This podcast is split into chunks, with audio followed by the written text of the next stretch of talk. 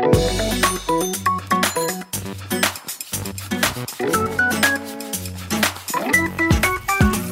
Hey, hallo, welkom beste wieleramateur of een gradatie verder. Dat kan zomaar. Een geoefende wielertourist kan ook. Wie weet heb jij zelfs al prijzen gepakt. Of misschien heb je nog nooit een koersfiets van dichtbij gezien. Dat is niet erg. Daarvoor zit je goed bij ons. Iedereen Flandrien. Dat is de naam van de podcast en dat is de doelstelling van het project ook. Van amateur naar Flandrien in 10 weken. Daarbij word je geholpen door onze coaches Thibaut Nijs en Jolien Doren. En ook door onze expert, sportarts Servaas Penger bijvoorbeeld. Die vandaag zal horen. Ik zeg al even leuk hallo Servaas. Voor we beginnen aan deze podcastproductie van het Nieuwsblad in samenwerking met onze partners Skoda, Cofidis en Primus. Je moet daar niet meer aarzelen natuurlijk. Maar er sluit veel volk aan. Het valt stil. De grote drieën zijn niet kunnen wegrijden van de rest. Dit is je kans, man. Ewan, Van der Poel, Schachman, Alaphilippe, Greg van Avermaat en Stuy zit erbij. Nu wordt het interessant. Hey Servaas, welkom.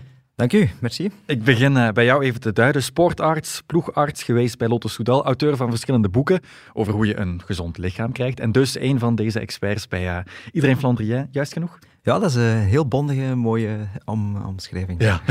Iedereen Flandrien, dat wordt dus een podcast waarin we wielerpotentieel voor hobbyisten alle kansen willen geven.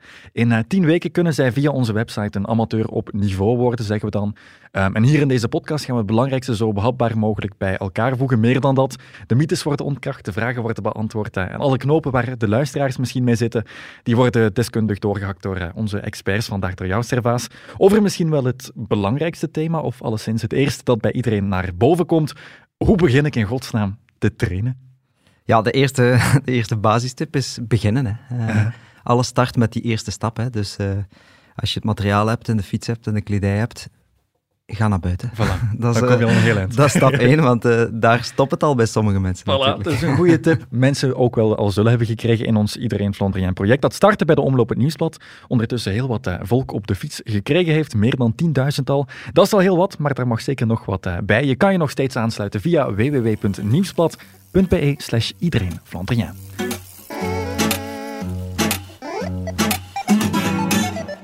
In deze podcast ga ik dus in de eerste plaats in gesprek met dokter Servaas Penger, onder andere aan de hand van de vragen die onze kopgroep heeft ingezonden. En gaan we op bezoek bij een van de deelnemers. Heel wat, maar dat is voor straks. Ik begin bij jou, Servaas. In deze podcastreeks maken we dus dat de luisteraar binnenkort uh, met gemak de Koppenberg bijvoorbeeld opfietst. Veel uh, wielertouristen gaan dan graag met de maten fietsen, zo hoort dat. Uh, want wielrennen is evengoed een sociale sport. Maar is het wel zo goed om meteen van, van bij de meet in groep te fietsen? Maar wat dat we zien is als mensen in een groep gaan fietsen, is dat ze zich, zich een beetje gaan meten met elkaar. Hè. En dat is natuurlijk niet het slimste om, uh, om onmiddellijk te gaan doen. Het belangrijkste in een trainingsschema is om eerst die basisconditie heel goed te zetten. En natuurlijk, als je met je vrienden gaat gaan fietsen, dan ga je rap zo een beetje het gevoel hebben van ja, we gaan een sprintje trekken naar de brug of we gaan, uh, weet ik veel, een keer demareren en een keer uh, mm. iedereen zijn tenen laten uitkruisen, ja. om het in, in de wielertermen te zeggen. Maar dat is natuurlijk niet goed, want een trainingsschema heeft, een, heeft wel een degelijke opbouw. En, en de eerste grote fase van een goed trainingsschema is basis, is ja. basisconditie. Dus, dus op lage hartslagen, lange duur, om, om ja, dat hart uh, in staat te stellen om die grote volumes aan te kunnen. Hè. Als, als je doelstelling 100 kilometer fietsen is, mm -hmm. ja, dan moet je rekenen dat je toch al rap een uur of drie, vier op de fiets zal zitten om je doel te bereiken. Ja. En dan moet, je dat, dan moet je dat trainen, dan moet dat volume ook getraind worden. Mm -hmm. En dat kunnen we het best doen aan, aan lage hartslagen. En we kunnen dat allemaal gaan meten en, en heel veel grafiekjes gaan doen. Maar eigenlijk de beste tip is uh, uw spraak. Als je nog kan spreken terwijl je okay. op de fiets zit. Dus ja. je kan perfect samen gaan fietsen. En het is inderdaad een heel sociale sport. Maar zorg dan dat je nog goed kan babbelen met elkaar. Ja. Dus rustige ritjes waarbij dat je eigenlijk gewoon babbelt over en weer. Net, wij hadden misschien de podcast op de fiets kunnen, weet, kunnen opnemen. Uh, dat was een goede basistraining geweest. Uh. Dus uh, dat is eigenlijk een goede graadmeter. Ja. Want uw ademhaling is, uh, ja, die gaat op het moment dat je intensiever gaat gaan sporten, mm -hmm. gaat die verkorten. En dan ga ik maar een paar woorden per keer kunnen zeggen. Dus eigenlijk, als je op je, op je spraak en de manier waarop dat je praat uh, blijft letten, dan heb je een heel goed idee van, ja. ben ik niet te intens bezig? En dan weten we, ik weet het zelf ook uit, uit ervaring, ja. als je met vrienden of in een groepje gaat gaan rijden, dat je toch al rap is op je adem trapt. Hè. Voilà. Dus, je gaat uh, eigenlijk ofwel te snel of te traag soms. Je hebt het vaak over het belang van een sportonderzoek, een hartscan onder andere.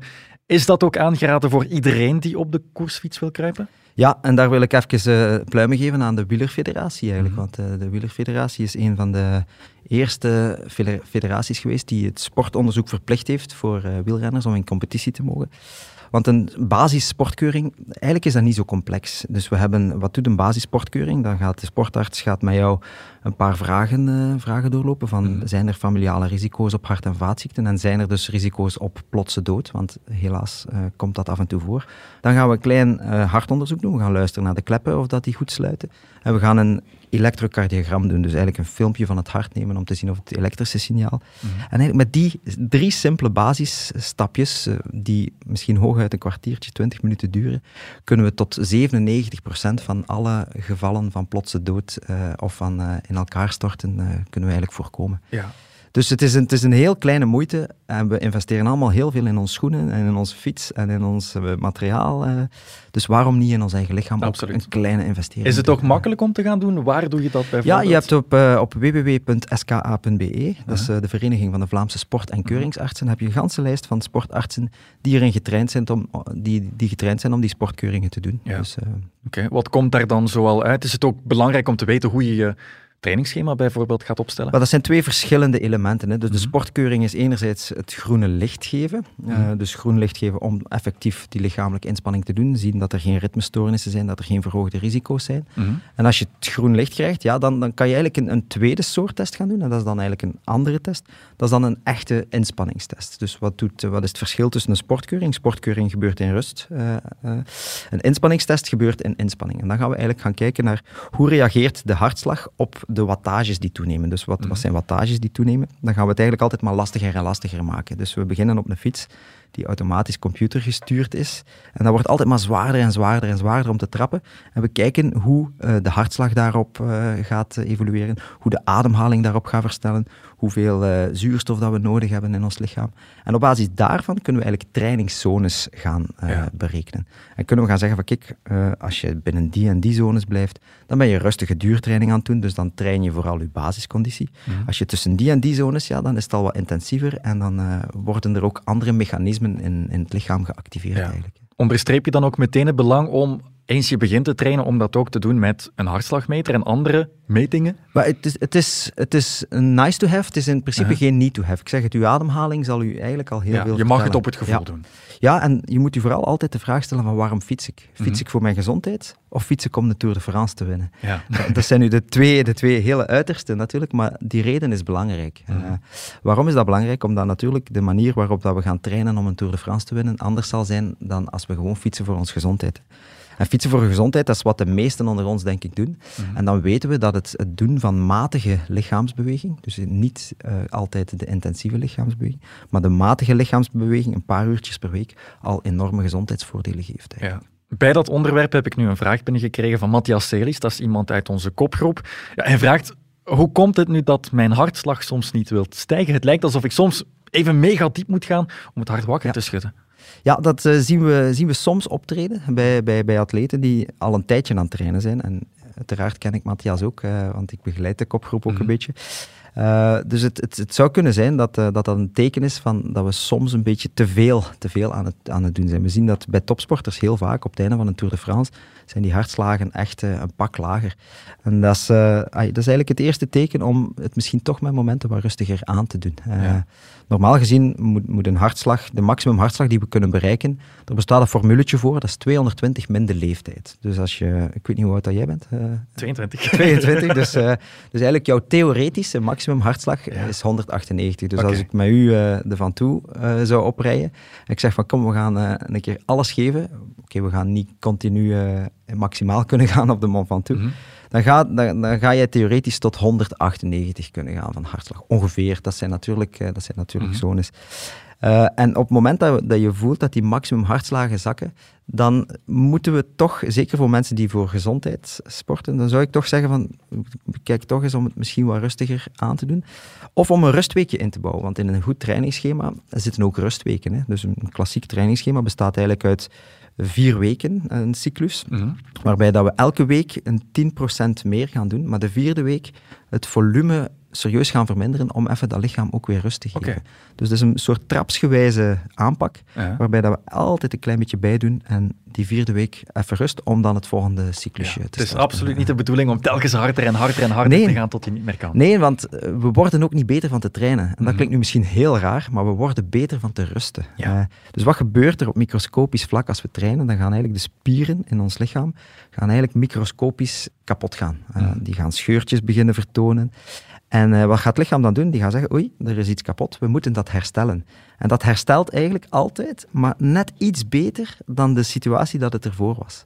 Maar om die herstelfase goed te laten gebeuren, hebben we die rust nodig. Mhm. Vandaar ook dat dat beginnende fietsers, dat we die ook niet elke dag eh, een training geven. Dat we die rustdagen geven tussendoor. Net om dat herstelproces te laten.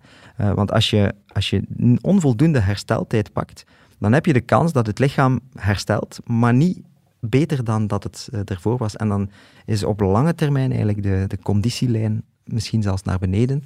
Of in het eh, ergere geval naar overtraining toe of Ja. oververmoeidheid toe.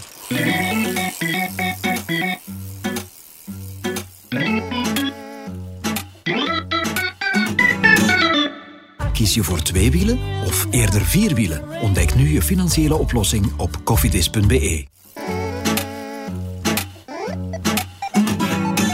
Je hoeft nu niet meteen een volledig trainingsschema te gaan tekenen, maar wat gaat het ongeveer worden? Een, een, een, ja, een verdeling tussen lange en intensieve, Ja. tra- intensievere trainingen, gok Dus, ik dan? dus we hebben eigenlijk eh, grofweg gezegd twee grote fases. De eerste Ja. fase is echt de opbouwfase. En wat gaan we in de opbouwfase doen? Dat is inderdaad vooral eh, lange duurtrainingen aan lage intensiteit, vooral om die basisconditie aan te Mhm. scherpen. Eh, dan gaan we een relatieve rustweek doen. Eh, en dan gaan we eigenlijk naar de tweede fase, waar we specifieke prikkels gaan doen. Dus we zijn aan het trainen om op 8 mei de Ronde van Vlaanderen te fietsen. Eh, dus dat wil zeggen, ja, die Ronde van Vlaanderen, eh, ik weet niet of je daar al gefietst hebt, maar je hebt daar inderdaad die klimmetjes eh, en die kasseistroken en die lastige stukken, zeg maar, die daar eh, van tijd tot tijd tussenkomen.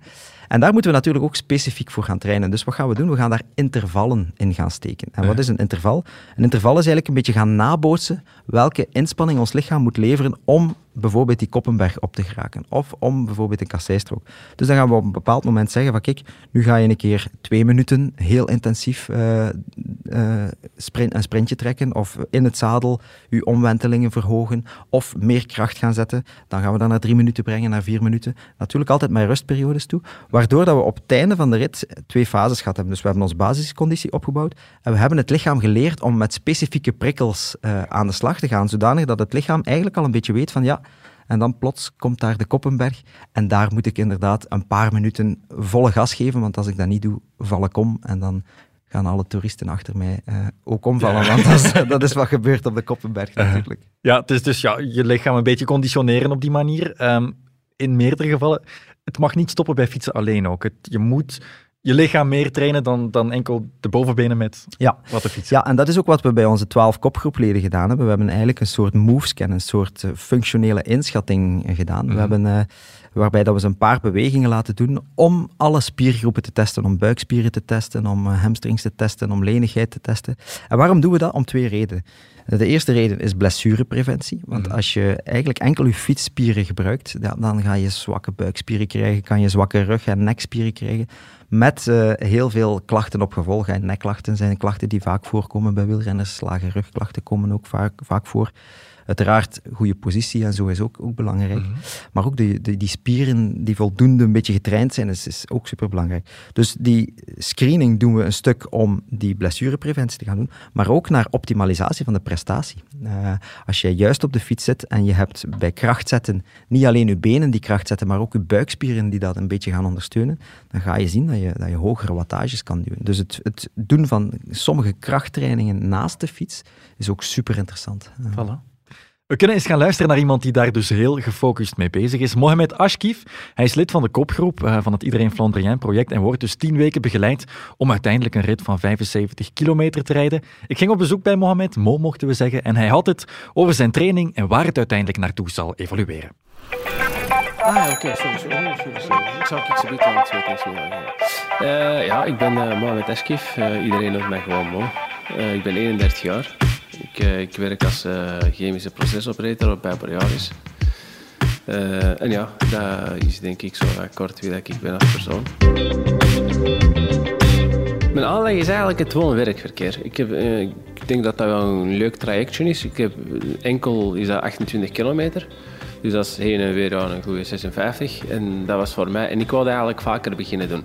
Dus eh, als ik dan bijvoorbeeld twee keer met de fiets kan gaan naar het werk en in het weekend is het ineens een goede tour van drie uurtjes of twee uurtjes, of eh, dat je dan ineens wel kunt doorfietsen.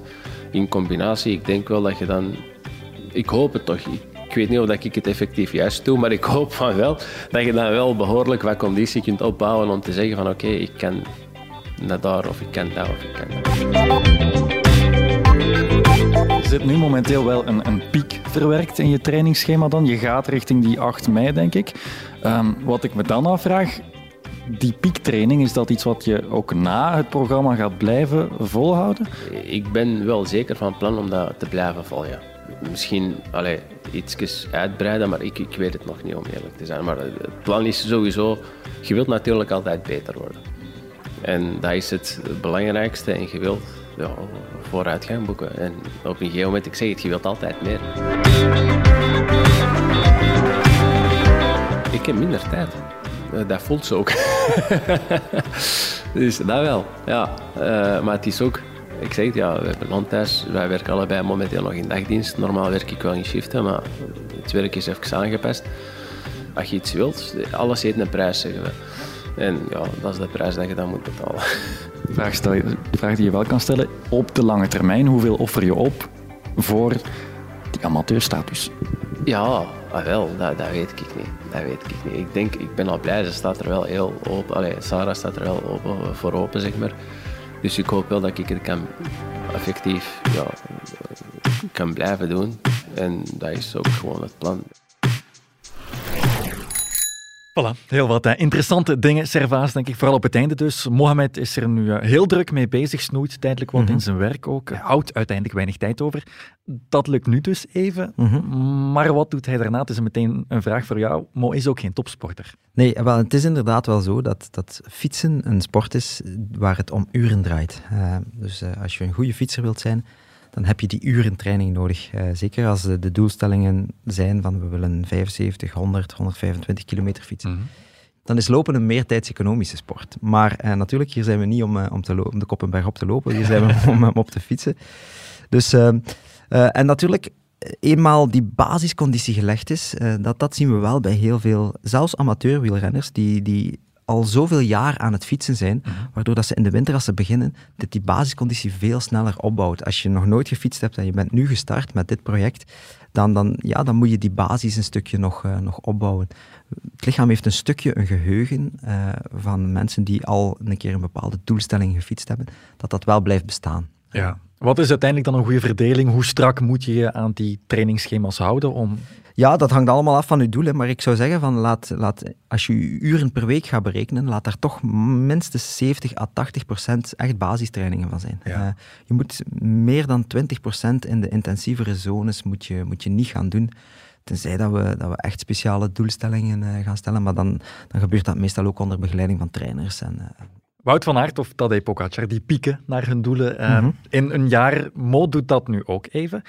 Raad je amateurs aan sowieso datzelfde te doen? Wat kunnen zij dan als doel stellen?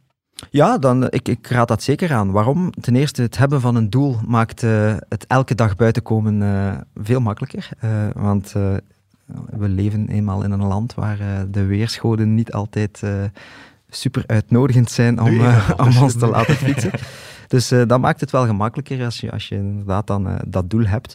En eh, natuurlijk, de doelstelling die, die, die Wout zich stelt, is veel hoger dan de doelstelling die, die, die wij ons stellen. Dus dat is inderdaad, Wout moet er ook van leven, wij moeten er niet van leven, dat is ook al een verschil. Dus Wout doet wat dat betreft offers op vlak van zijn gezondheid in functie van zijn sportieve doelen.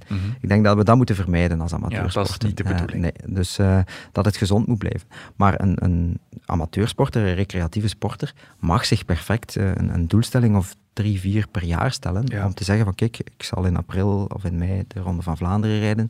Dan wil ik in augustus op vakantie eh, toch een keer die call oprijden. En dan wil ik, eh, als het eh, november is met de mountainbike, die of die of die rit. eh. dus dat kan zeker. Exact. En het dus, draagt bij tot een gezonde motivatie. Absoluut, Voilà. zeker en vast. Dan zit deze eerste aflevering er zo goed als op, maar niet helemaal. Het belangrijkste moet misschien nog komen. De gouden tip voor jouw training van Servaas Benje. Mijn gouden tip is eh, van eh, ten eerste, doe het gewoon, train, en maak het u zo gemakkelijk mogelijk. Eh, dat is iets dat ik voor mezelf heel hard gemerkt heb. Ik heb zelf ook een heel druk leven. Toch probeer ik om regelmatig ook zelf te trainen. Dus ik zorg dat het altijd klaar is, dat het altijd klaar staat. Dus dat mijn materiaal klaar staat, dat er altijd kledij is die klaar ligt. waardoor dat de drempel om te vertrekken heel laag is. Soms heb ik ook geen zin. En dan kom ik thuis s'avonds en ik zeg, ik heb eigenlijk geen zin om te fietsen. En dan zeg ik soms tegen mezelf, van weet ik ga gewoon mijn kleren aandoen, mijn, mijn, mijn broek en mijn eh, truitje aandoen en mijn schoenen. En dan kan ik nog altijd beslissen om ze weer uit te doen Voilà. en niet te gaan fietsen. Maar meestal ga ik dan toch gaan fietsen Ja. en dan heb ik er meestal heel veel Voilà, je bent er toch al bijna dan. hè? Oké, goede tip. En daarmee zijn we dan helemaal rond. Dankjewel om te luisteren. In de volgende aflevering hebben we het met Servaas Benjé over de juiste voeding en de ideale verzorging. Wil je daar nu al meer over weten? Dan stuur ik je graag door naar de website en de weekendkranten van het Nieuwsblad. En op de webpagina www.nieuwsblad.be. Iedereen Flandrien. Vind je alles mooi gebundeld? Kan je ook inschrijven voor eh, de weekmail van het project. En misschien nog handiger, word lid van de Facebookgroep Iedereen Flandrien, waar duizenden liefhebbers zich al eh, verzameld hebben. Dankjewel, Servaas Benjé, voor de spitse antwoorden in deze podcastproductie van het Nieuwsblad in samenwerking met onze partners Skoda, Cofidis en Primus.